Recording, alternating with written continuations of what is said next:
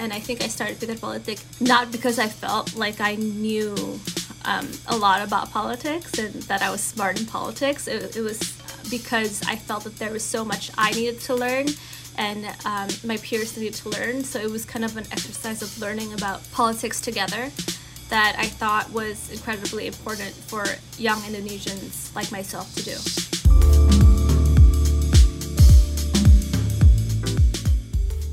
Halo Sobat Pintar Politik, senang sekali hari ini saya San dan saya Musbi. Uh, hari ini kita akan ngobrol-ngobrol bareng dengan uh, founder Pintar Politik. Ada siapa Mus? Ada Stefani Tamkidisa. Oke, okay, jadi uh, Stefani ini adalah salah satu pendiri Pintar Politik hmm. dan saat ini sedang ada di US. Dan kita hari ini akan banyak ngobrol tentang uh, bagaimana sebenarnya uh, Pintar Politik ini didirikan, kemudian juga sedikit background uh, dan kiprah uh, Stefani sendiri. Dan hari ini kita formatnya akan sedikit berbeda, Mus. Jadi uh, saya dan Musfi akan bertanya uh, banyak dalam bahasa Indonesia.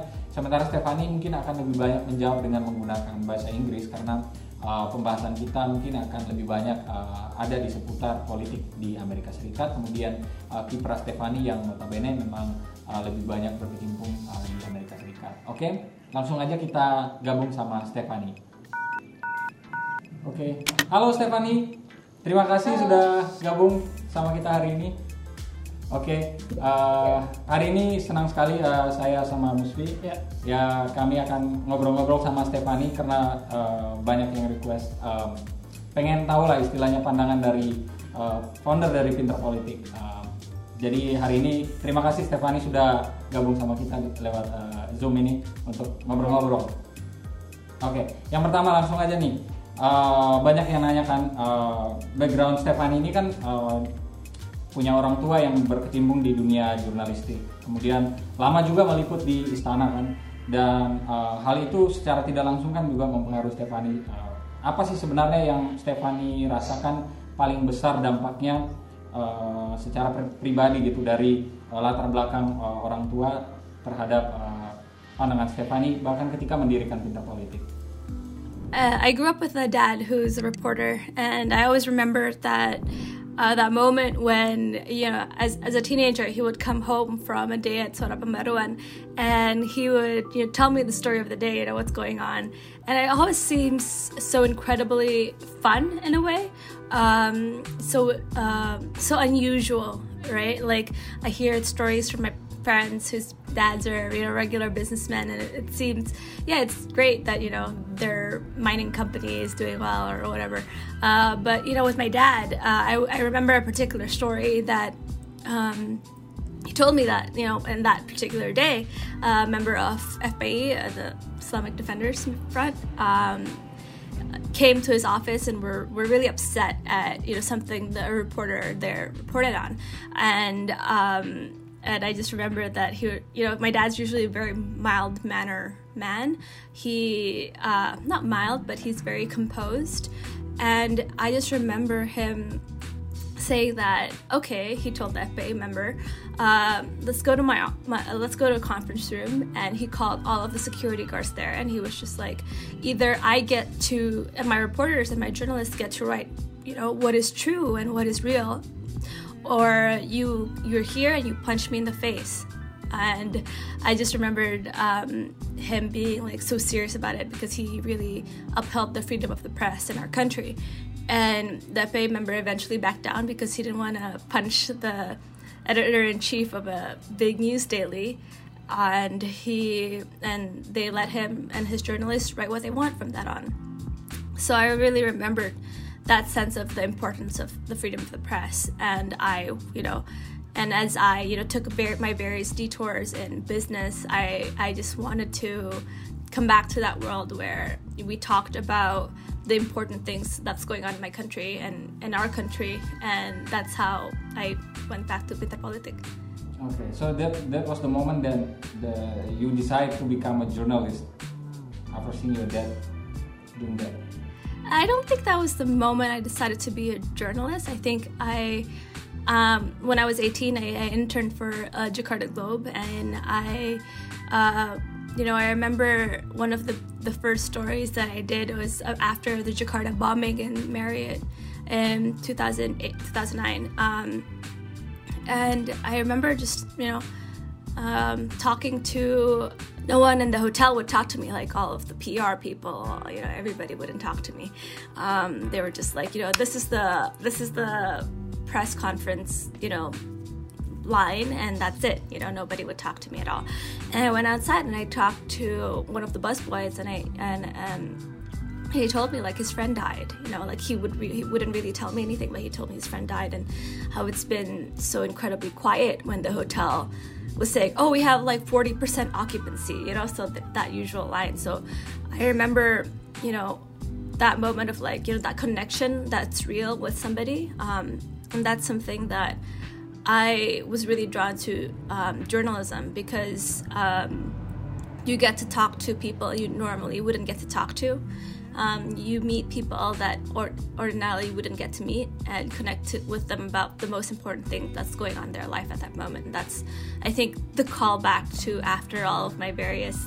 Um, like you know, I did a different startup before this. I did a cleaning startup. I did uh, uh, cement business. I did security business. I did all sorts of different things, and I just remembered like um, remembering to when I was 18, and I realized that you know what? That was the moment that I felt happy and I felt fulfilled in what I was doing. Um, and I think finding fulfillment in your job is incredibly important and something I'm lucky enough to be able to do. Banyak yang mengatakan uh, artikel-artikel di Pinter Politik itu berbeda daripada media-media yang lainnya. Dia tuh uh, seperti mengangkat ada semacam teori uh, atau basis uh, filosofi tersendiri. Kita mengetahui Stepan ini lulusan University of uh, Chicago, pengambil jurusan uh, filosofi dan political science. Apakah dua jurusan ini yang mengilhami Stepani membuat tulisan-tulisan uh, pintar politik, politik itu lekat dengan teori-teori filsafat semacam itu? Yeah, um, I, I studied political science, but I also was really, in particular, drawn to political philosophy and political theory. Um, I found that you know when we were studying political science, you you learn about you know what was going on with the politics in World War II, and you know what was going on in the, Con- the U.S. Constitution, and all of the different stuff that was interesting, but didn't I didn't find particularly challenging or interesting in a way.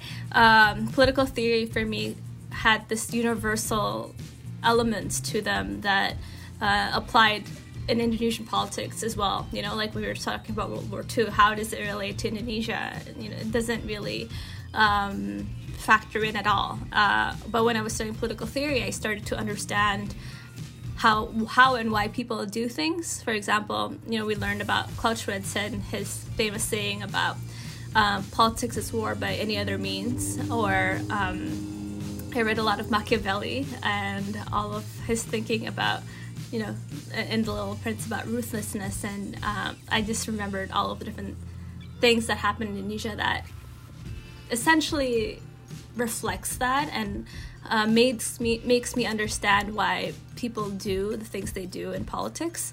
And I and I kind of took that inspiration and understood that I think there was a vacuum in Indonesian political news landscape, you know, like trying to understand and connect what was going on at this particular day with the history of what led to this movement, which is to say, you know, what is the background of someone who did action X um, and what motivates them to act in the way they do and and understanding the reasons behind how a person thinks leads leads to our political reality today.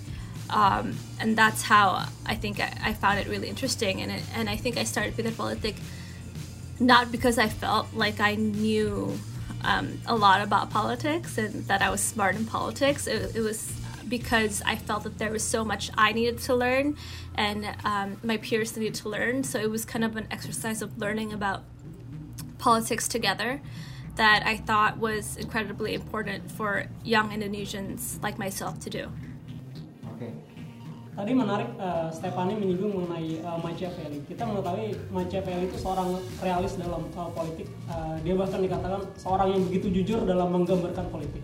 Ini juga kita lihat dalam artikel-artikel pintar politik di mana artikelnya itu berani memberikan semacam kesimpulan yang mungkin uh, tidak dilakukan oleh media-media yang lainnya. Apakah uh, dengan ketertarikan dengan Machiavelli atau dalam konteks ini adalah politik realis itu membuat Stefani membangun artikel-artikel pintar politik itu ingin menggambarkan politik secara ya ini politik, ini realita politik dan sebagainya. Apakah semacam itu? Yeah, in a way, uh, I felt that there were so many great journalists already working on daily news reporting that there isn't. We, as with our small newsroom, we can't, you know, go out there and go to all the press conferences and be the one who broke the news. And that wasn't something that I was interested in because a lot of people are doing that already.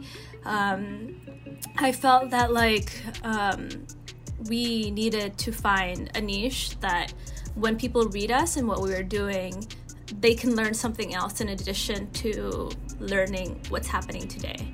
So, um, yeah, that was something that I wanted to kind of add in. And I think what happens is because of my back personal background as well what ended up happening is that when we were looking for other reporters and journalists and writers, uh, we we ended up recruiting people, and our reporters are all kind of nerds who like to think about philosophy like me, and you know that's kind of the team that we built. You know, people who cared about theories and philosophy, and and that's kind of led to how we write and news and video, and. Um, you know what what happens as well is that when you have when you have a group of like nerds together and i think the way we run run our newsroom and how we have daily morning meetings you know that's when we pitch people pitch ideas and pitch stories.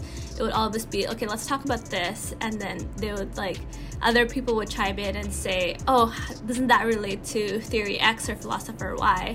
And that's how you know when we come up with a daily news story we don't just come up with that but we talk about as a team as well um, what political thinker would add something a dimension to that news story of the day okay uh, if we go back before journalism um, Stephanie kalau nggak salah juga berkecimpung di uh, industri finance dengan bergabung di uh, Morgan Stanley ada nggak uh, hal spesifik gitu yang uh, Stefani dapatkan dari uh, pengalaman berkecimpung di industri ini yang kemudian itu uh, berpengaruh katakanlah ketika Stefani terjun ke dunia jurnalisme atau bahkan mendirikan Pinter Politik? I think uh, my background in finance and business made me realize how every aspect of life, even business, is very much, especially in Indonesia, it's incredibly tied to politics. You can't operate without knowing the political risks um, that is in a country. You know, understanding politics is important to to various people and what they choose to invest in, and you know, for example, uh, when I was working at Morgan Stanley in Hong Kong, you know. Um, the question is always like, what's the political risk of investing in a country? Um, and you know, is Indonesia, for example, unstable at the moment? Why is it unstable? Are the regulations stable um, for investment and all of these different things? So I think if you're not in business, you're not as aware of how policy could influence business. Um, in addition, I think business to me also I think informs the way I view the world. That business and finance um, in any country affects politics as well. It's like kind of a cycle because um, you know businesses want political leaders to provide stability, and it in like in like it you know in any country like if the economy is good, a president has a better chance of being reelected. So there's kind of this tie toward each other that I think um, my background makes you know makes me so aware that that there is a connection between business and politics in a way that is kind of like conjoined twins in a way, and one feeds to the other. And um, it's interesting to see my background. I think just gives me a wider viewpoint of understanding the world. Uh, ini sangat uh, menarik ya, Stefani menyinggung perihal uh, politik yang memiliki kaitan satu sama lain dengan uh, ekonomi. kita mengetahui ada banyak uh, pemikir katakanlah uh, Fukuyama yang mengatakan persoalan-persoalan politik itu sebenarnya berputar di persoalan ekonomi ataupun pandangan-pandangan uh, pengikut uh, Marxis yang mengatakan akar masalah itu adalah akar uh, masalah ekonomi sebenarnya. Mungkin agak menarik uh, dari sudut pandangnya Stefani. Mana yang lebih dulu lahir? Apakah persoalan ekonomi kemudian melahirkan persoalan politik atau justru persoalan politik yang melahirkan persoalan ekonomi? I think it's really hard to tell. So uh, I think it's like a chicken and egg situation. I think it's hard to divorce the two, and I don't know if I need to divorce the two. Um, I think sometimes the political situation causes the business situation, and the business situation causes the political situation. Uh, I think it just really depends on the particular thing that we're talking about. Let's say, in terms of like mining regulations, right? Businessmen want to create, want to profit of Indonesia's natural resources, and um, they operate in a place where, for, initially, for example, that there's no regulation, and so they operate the way they do because there's no regulation. But the lack of regulation is not apolitical; it is in itself a political situation. Um, so when they decide to regulate, and then there's all of this mess, it's kind of like, and then people are like, say, oh, politics or people are interfering with it. Um, that's not really true either because uh, the absence of law is also, in a way, political situation. So the problem caused by that is not, in effect, because of politics, it's because politics is there as well. But at the same time, this problem wouldn't exist if the business didn't start working there. So kind of feeds into each other and um, I guess in a way, I would say, in general, politics would be the first thing because um, if we think way back into caveman era, um, there I think group politics exists first before people eventually get to a bartering trade economy, uh, and then politics get involved in that. So I would say, in that sense, if we look at the very back, pre-trade and pre-business, politics exists first. Ini balik lagi ke persoalan jurnalistik. Uh, Stefani kalau nggak salah uh, setelah berkecimpung di bidang finance kemudian memutuskan untuk melanjutkan kuliah di uh, Columbia University mengambil jurnalis jurnalistik. Uh, apa sih yang uh, Stefani lihat paling mencolok perbedaannya ketika uh, selesai berkuliah di situ dalam konteks jurnalisme di AS uh, dengan jurnalisme di Indonesia karena uh, sudah pasti berbeda. Tapi apa sebenarnya yang yang Stefani lihat paling berbeda dari uh, konteks dua hal tersebut? I think for me the the thing that strikes me the most when I was a journalism student at Columbia was this push to be an objective, neutral party. Uh, the idea that the journalist has to really substantiate their claims before publishing something or making something. And um, I think this idea of impartiality is so much more apparent in the ethics of journalism in America than it is in Indonesia. Um, but you would think that American media is a lot more biased. I think that there's this public perception that it's a lot more biased, but I think it's also partially because the politics in America is so divided that there's this different identity based on which political party you're a part of, which doesn't exist in Indonesia. Like, I think here in Indonesia, people generally don't identify very strongly with their political party as an identity. And, um, you know, it doesn't, if you say you're a member of PDIP or Golkar, it doesn't have all of this extra baggage of, oh, that means you believe this and this and this. Whereas in America, that's not true. Um, so I think that's the biggest thing that's different to me. uh, ini sangat uh, menarik yang mengenai uh, political bias di dalam uh, industri media. Di persepsi publik yang saat ini kan media itu selalu dilekatkan dengan political bias. Ada semacam framing di dalam media. Tetapi apakah kita itu bisa berharap kalau media ini suatu saat nanti itu bisa terlepas daripada framing-framing semacam itu ataupun dalam uh, tendensi politik lah dalam uh, konteks ini? Di Indonesia atau di uh, di Indonesia dan di Amerika khususnya. Di Amerika kan soalnya persepsi publik itu sangat uh, mengatakan wah ini pemberitanya sangat framing dan sebagainya. I don't think so. I don't think that there is a future where American media will be seen as more not biased, right? Because um, the divide in America is increasingly big. So I think it's just gonna keep getting more siloed because the idea of facts in America is becoming more tenuous. Like, you know, people are denying science and data, as we've seen with with COVID news. Um, in Indonesia, I think the thing is, even in Indonesia, people perceive that the media is funded by different families or different corporations, right? The thing is,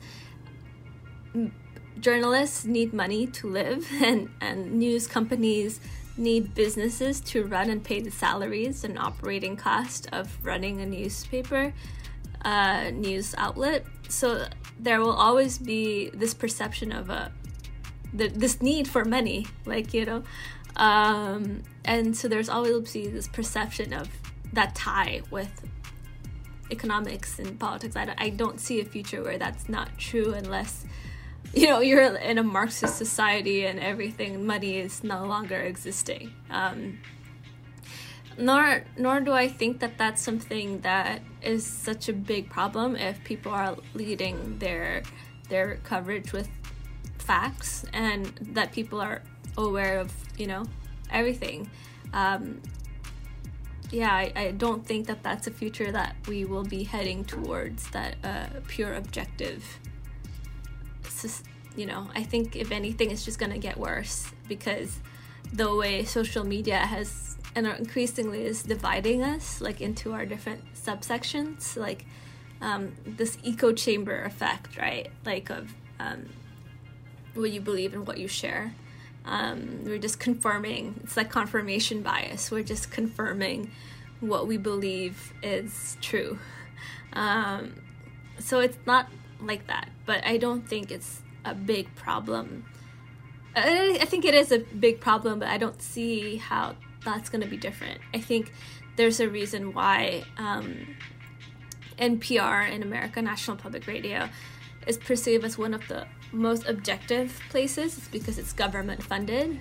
Um, like that's why there's Antara is also perceived as more neutral because it's government funded, right? In a way, in a place where there's proper, you know, funding and the funding is neutral, you can have a more neutral and objective um, publication. You know, because they're not gonna keep worrying about clicks. They're not there, and they're not gonna keep worrying about where the money is coming from. Um, but in the absence of that kind of like consistent state funding like BBC, because you don't want to have Chinese state funding because that's also not going to be, that's different as well. Um, that's going to be biased for the Chinese government. Um, so if you have a democratic government funding your news outlet, maybe you can have some outlets that are more unbiased. But in the absence of that, I think we're just gonna be more fragmented and more not biased, but just we're gonna focus on different things in different publications. Oke, okay, back uh, ke pinter politik. Um, banyak yang menilai nih, Steph, uh, pinter politik ini dilihat sebagai corong suara politik anak muda yang cenderung progresif dan kritis gitu. Uh, sebenarnya apa sih latar belakangnya Stefani waktu katakanlah bikin pinter politik dan melihat konteks progresivitas anak muda ini dan berpikir kritis itu sebagai hal yang penting bagi sebuah media katakanlah pemberitaan gitu. I think I think a lot of people would think Pinter Politik is very critical and progressive because I think we are critical and uh, progressive people. That's who the people are who write articles, and you know that's in the DNA of that's who I am and that's who I end up like wanting to work with. Um, but also, I think it's incredibly important for journalists to be incredibly critical because what's the point of us working if we're not critical? Because, you know, as journalism and journalists are the fourth pillar of society, right? Uh, in addition to the judiciary, um, in addition to the presidency and in addition to the Senate, like the and. Um, because because of that, you know, like we perform our role, our essential role as journalists is to criticize the government. You know, is to find out what is wrong with the government. And I think what like what is our role if we don't do that? You know, we should default on being critical because and people might say, like, oh, that's not such a big problem, or that's not so bad. But our role is to find faults. like, um, it's like if you're talking to an aviation um, engineer whose fault it is to whose job it is to find critical errors in a plane. You don't want that person to be like, oh, that screw is kind of loose, but it's it's fine. It's okay. You that role for us is the same as that aviation engineers to find any possible faults in a system and talk about it. Um, and that's because that that is just what we should do because I don't think that any problem is generally like we need to acknowledge yes when a government is doing a good job, but um, our role is to find the cracks where it, you know even if it is a good for example when a was governor right at some point um, he might do something that's good but we need to criticize the things that he wasn't doing so great like um, you know, when he was kicking people out of the uh, sides of the river without, you know, properly giving compensation or um, giving them, you know, that's all the uh, proper access to their livelihoods. So, yeah, that I think that's just, I believe that's what our rule is. And I think as young people, I think more of us are increasingly like uneasy with just like letting things be and and just letting yeah it's fine it's fine you know it's it's it's not fine. I think we want a better country and i think our progressive and critical values a reflection of our love for Indonesia and Indonesians. Uh, sangat menarik tadi Stephanie menyinggung perihal harus adanya uh, kritik dari masyarakat uh, dalam dalam konteks ini mungkin anak-anak muda ya terhadap katakanlah bias-bias informasi ataupun kebijakan uh, kebijakan daripada pemerintah. Kita mengetahui misalkan aja dari studi yang dilakukan oleh New York Times uh, dia menyebutkan kalau memang kesadaran politik anak-anak muda saat ini itu justru semakin meningkat apalagi dengan adanya arus sosial media yang uh, semakin masif dan sebagainya. Saya tertarik dengan pandangannya Stepan apakah dengan uh, geliat sosial media saat ini sosial media itu akan uh, dijadikan uh, platform bagi anak-anak muda untuk mengkritik pemerintah ataupun menjadi semacam penyeimbang daripada bias-bias informasi yang telah ada? I don't think it's that social media is going to help balance the situation. I think it's just that I think there's two parts to your question, right? Like one is uh, young people are increasingly engaged, right? I think to answer the first question is yeah, I think it's because we are living in the world where global warming is real. We are facing COVID at an early age. We are facing various economic crises at an early age. Um, there's so many things that has happened to young people in their short period of time that um, makes us aware that we don't exist in a vacuum, that we exist in a political world, and that we need to engage with it if we don't want the world to die from global warming.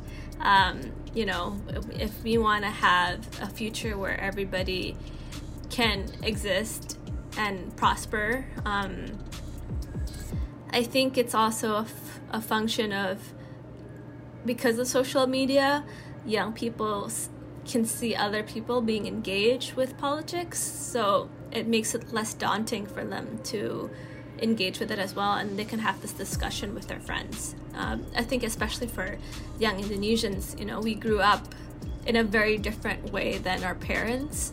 You know, 1998 happened when we were all pretty young, and then we grew up with an increasing level of freedom to think and say what we want to say. So I think growing up in that environment, we really appreciate being able to say what we want to say to our friends and, and, and, to our peers. And we really, I think we don't take it for granted and we want to, you know, exercise these freedoms. And I think the idea of um, those freedoms being taken away from us is a lot more scary than for someone who grew up without that freedom and um, have it taken away again, you know. Okay. uh, salah satu karya Stephanie um, saat di di US itu adalah uh, sebuah film dokumenter berjudul uh, Trouble Finds You yang dapat beberapa penghargaan. Kemudian itu menyoroti tentang persoalan identitas uh, di depan hukum yang uh, yang menimpa kelompok uh, kulit hitam di di Amerika Serikat. Dan bicara tentang isu uh, identitas itu sebenarnya kan sangat uh, politis terutama di Indonesia. Apa sebenarnya yang uh, Stefani bisa bagikan uh, katakanlah dari film yang Stephanie buat itu dalam konteks memaknai politik identitas di Indonesia? You know, in Indonesia, you can't really talk about race, identity, uh, sexual orientation, religion, all that kind of stuff, right? Uh, in America, you can, right? Um, and the reason I think I was interested in that is because we can't really talk about that in Indonesia, right? But what does that absence mean, and what does that what's the effect of not being able to talk about those things? I think with the Black Lives Matter protests, I think the biggest things is silence is complicity, and um, not being able to talk about those issues is just fortifying the existing racial and structural injustices, right, in America. So I think working on that film, I realized it was incredibly important to talk about race and injustice and how racial and you know inequality results in real life danger to people. I think that's true in Indonesia as well. Like the fact that you can't talk about religion as easily, although some people can talk about religion, some other people can't. Or, you know, or if you can't talk about race in Indonesia, I think people think that if you talk about race, it's gonna be divisive.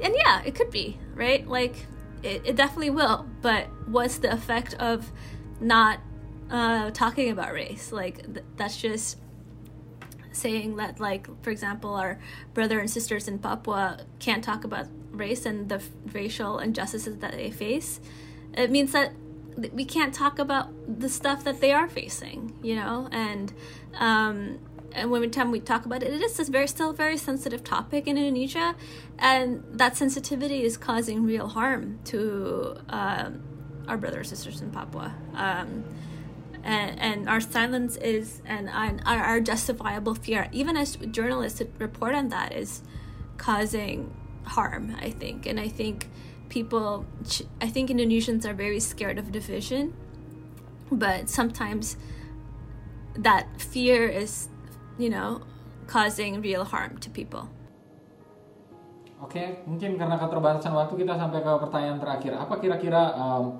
pesan Stefani mungkin uh, buat anak-anak muda Indonesia atau follower Pinter Politik, uh, audiens Pinter Politik di YouTube juga. Kira-kira uh, bagaimana sih kita sebagai anak muda harus me melihat konteks politik yang terjadi saat ini di tengah COVID-19, kemudian nanti ada isu pilpres dan lain sebagainya. Apa yang uh, menurut Stefani perlu menjadi uh, hal yang penting untuk diperhatikan oleh anak-anak muda Indonesia saat ini? Oh, first of all, my first message would be please everybody stay safe uh, during this really strange and crazy time. Please keep yourself and your family safe, like wear a mask when you can, maintain proper hygiene, um, and listen to scientists and facts about COVID. Don't listen to WhatsApp group chats that are just, you know, uh, questionable in sourcing. Um, in terms of uh, politics and elections, I think it's just keep reading with the politics. Thank you for doing so. Um, but you know, like read as much as you can and talk with your friends as much as you can. Um, be critical of us. That's fine. You know that that's that's within what you should do as critical people. Um, we everybody makes mistakes. We make mistakes sometimes, and we do corrections on them.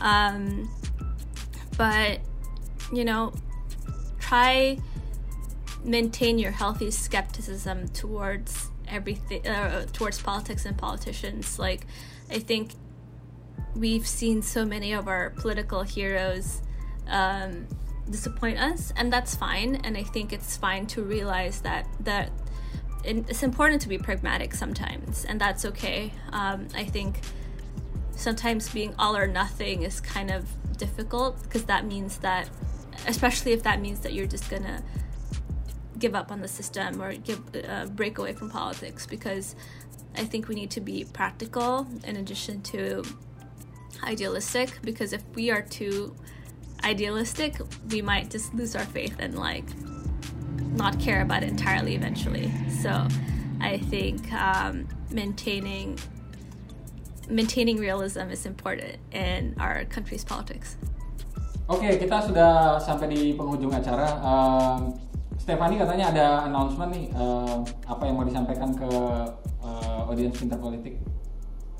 Yeah, so we have a very special announcement. We're going to have a new Pinter Politik TV segment where I interview Indonesia's political uh, leaders and thinkers about you know how they got into politics and what is behind their political um, thinking right so essentially what is their route to getting into politics how have they thought about politics and what they really want to have for Indonesians and um, you know what guides their what's their guiding principles towards how they they act and how they think for Indonesians.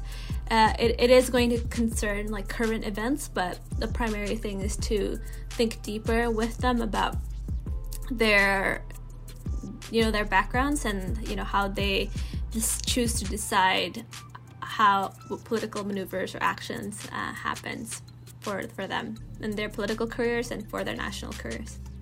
Oke, jadi Mus itu kita akan ada program baru di uh, Pinter Politik dan uh, nanti Stefani akan adalah Stefani Oke. uh, mewawancarai tokoh-tokoh besar dan uh, berpengaruh ya di Oke. perpolitikan uh, Indonesia. Oke, jadi buat uh, teman-teman uh, yang follow Pinter Politik jangan lupa untuk stay tune dan uh, saksikan nanti programnya Stefani. Oke. Uh, mungkin itu aja sih hari ini kita bisa ngobrol-ngobrol bareng sama Stefani. Nanti kita jumpa lagi di waktu-waktu yang akan datang. Terima kasih Stefani untuk Terima waktunya. kasih. Oke. Bye. Demikianlah perbincangan kita hari ini dengan uh, Stefani Tangkilisan, uh, founder dari Pintar Politik. Banyak hal yang menarik ya Mus yang kita uh, perbincangkan hari ini. Dan mungkin reminder aja apa tadi Mus yang tentang program barunya Stefani nanti. Nanti Stefani akan uh, mewawancarai berbagai tokoh-tokoh uh, politik nasional yang pastinya sangat berpengaruh dan layak uh, pembi- uh, perbincangan itu untuk uh, kita perdengarkan. Oke, jadi uh, seperti yang Mus bilang bahwa uh, stay tune di Pintar Politik nanti akan ada program bersama Stefani yang uh, isinya adalah mewawancarai tokoh-tokoh politik nasional. Oke, dan kita sudah sampai di uh, ujung acara. Oleh karena itu kami berdua uh, undur diri. Uh, mohon maaf jika ada salah-salah kata dan kita jumpa lagi di kesempatan wawancara-wawancara uh, berikutnya. Jangan lupa juga untuk teman-teman mengunjungi pinterpolitik.com untuk dapatkan informasi seputar fenomena politik di Indonesia.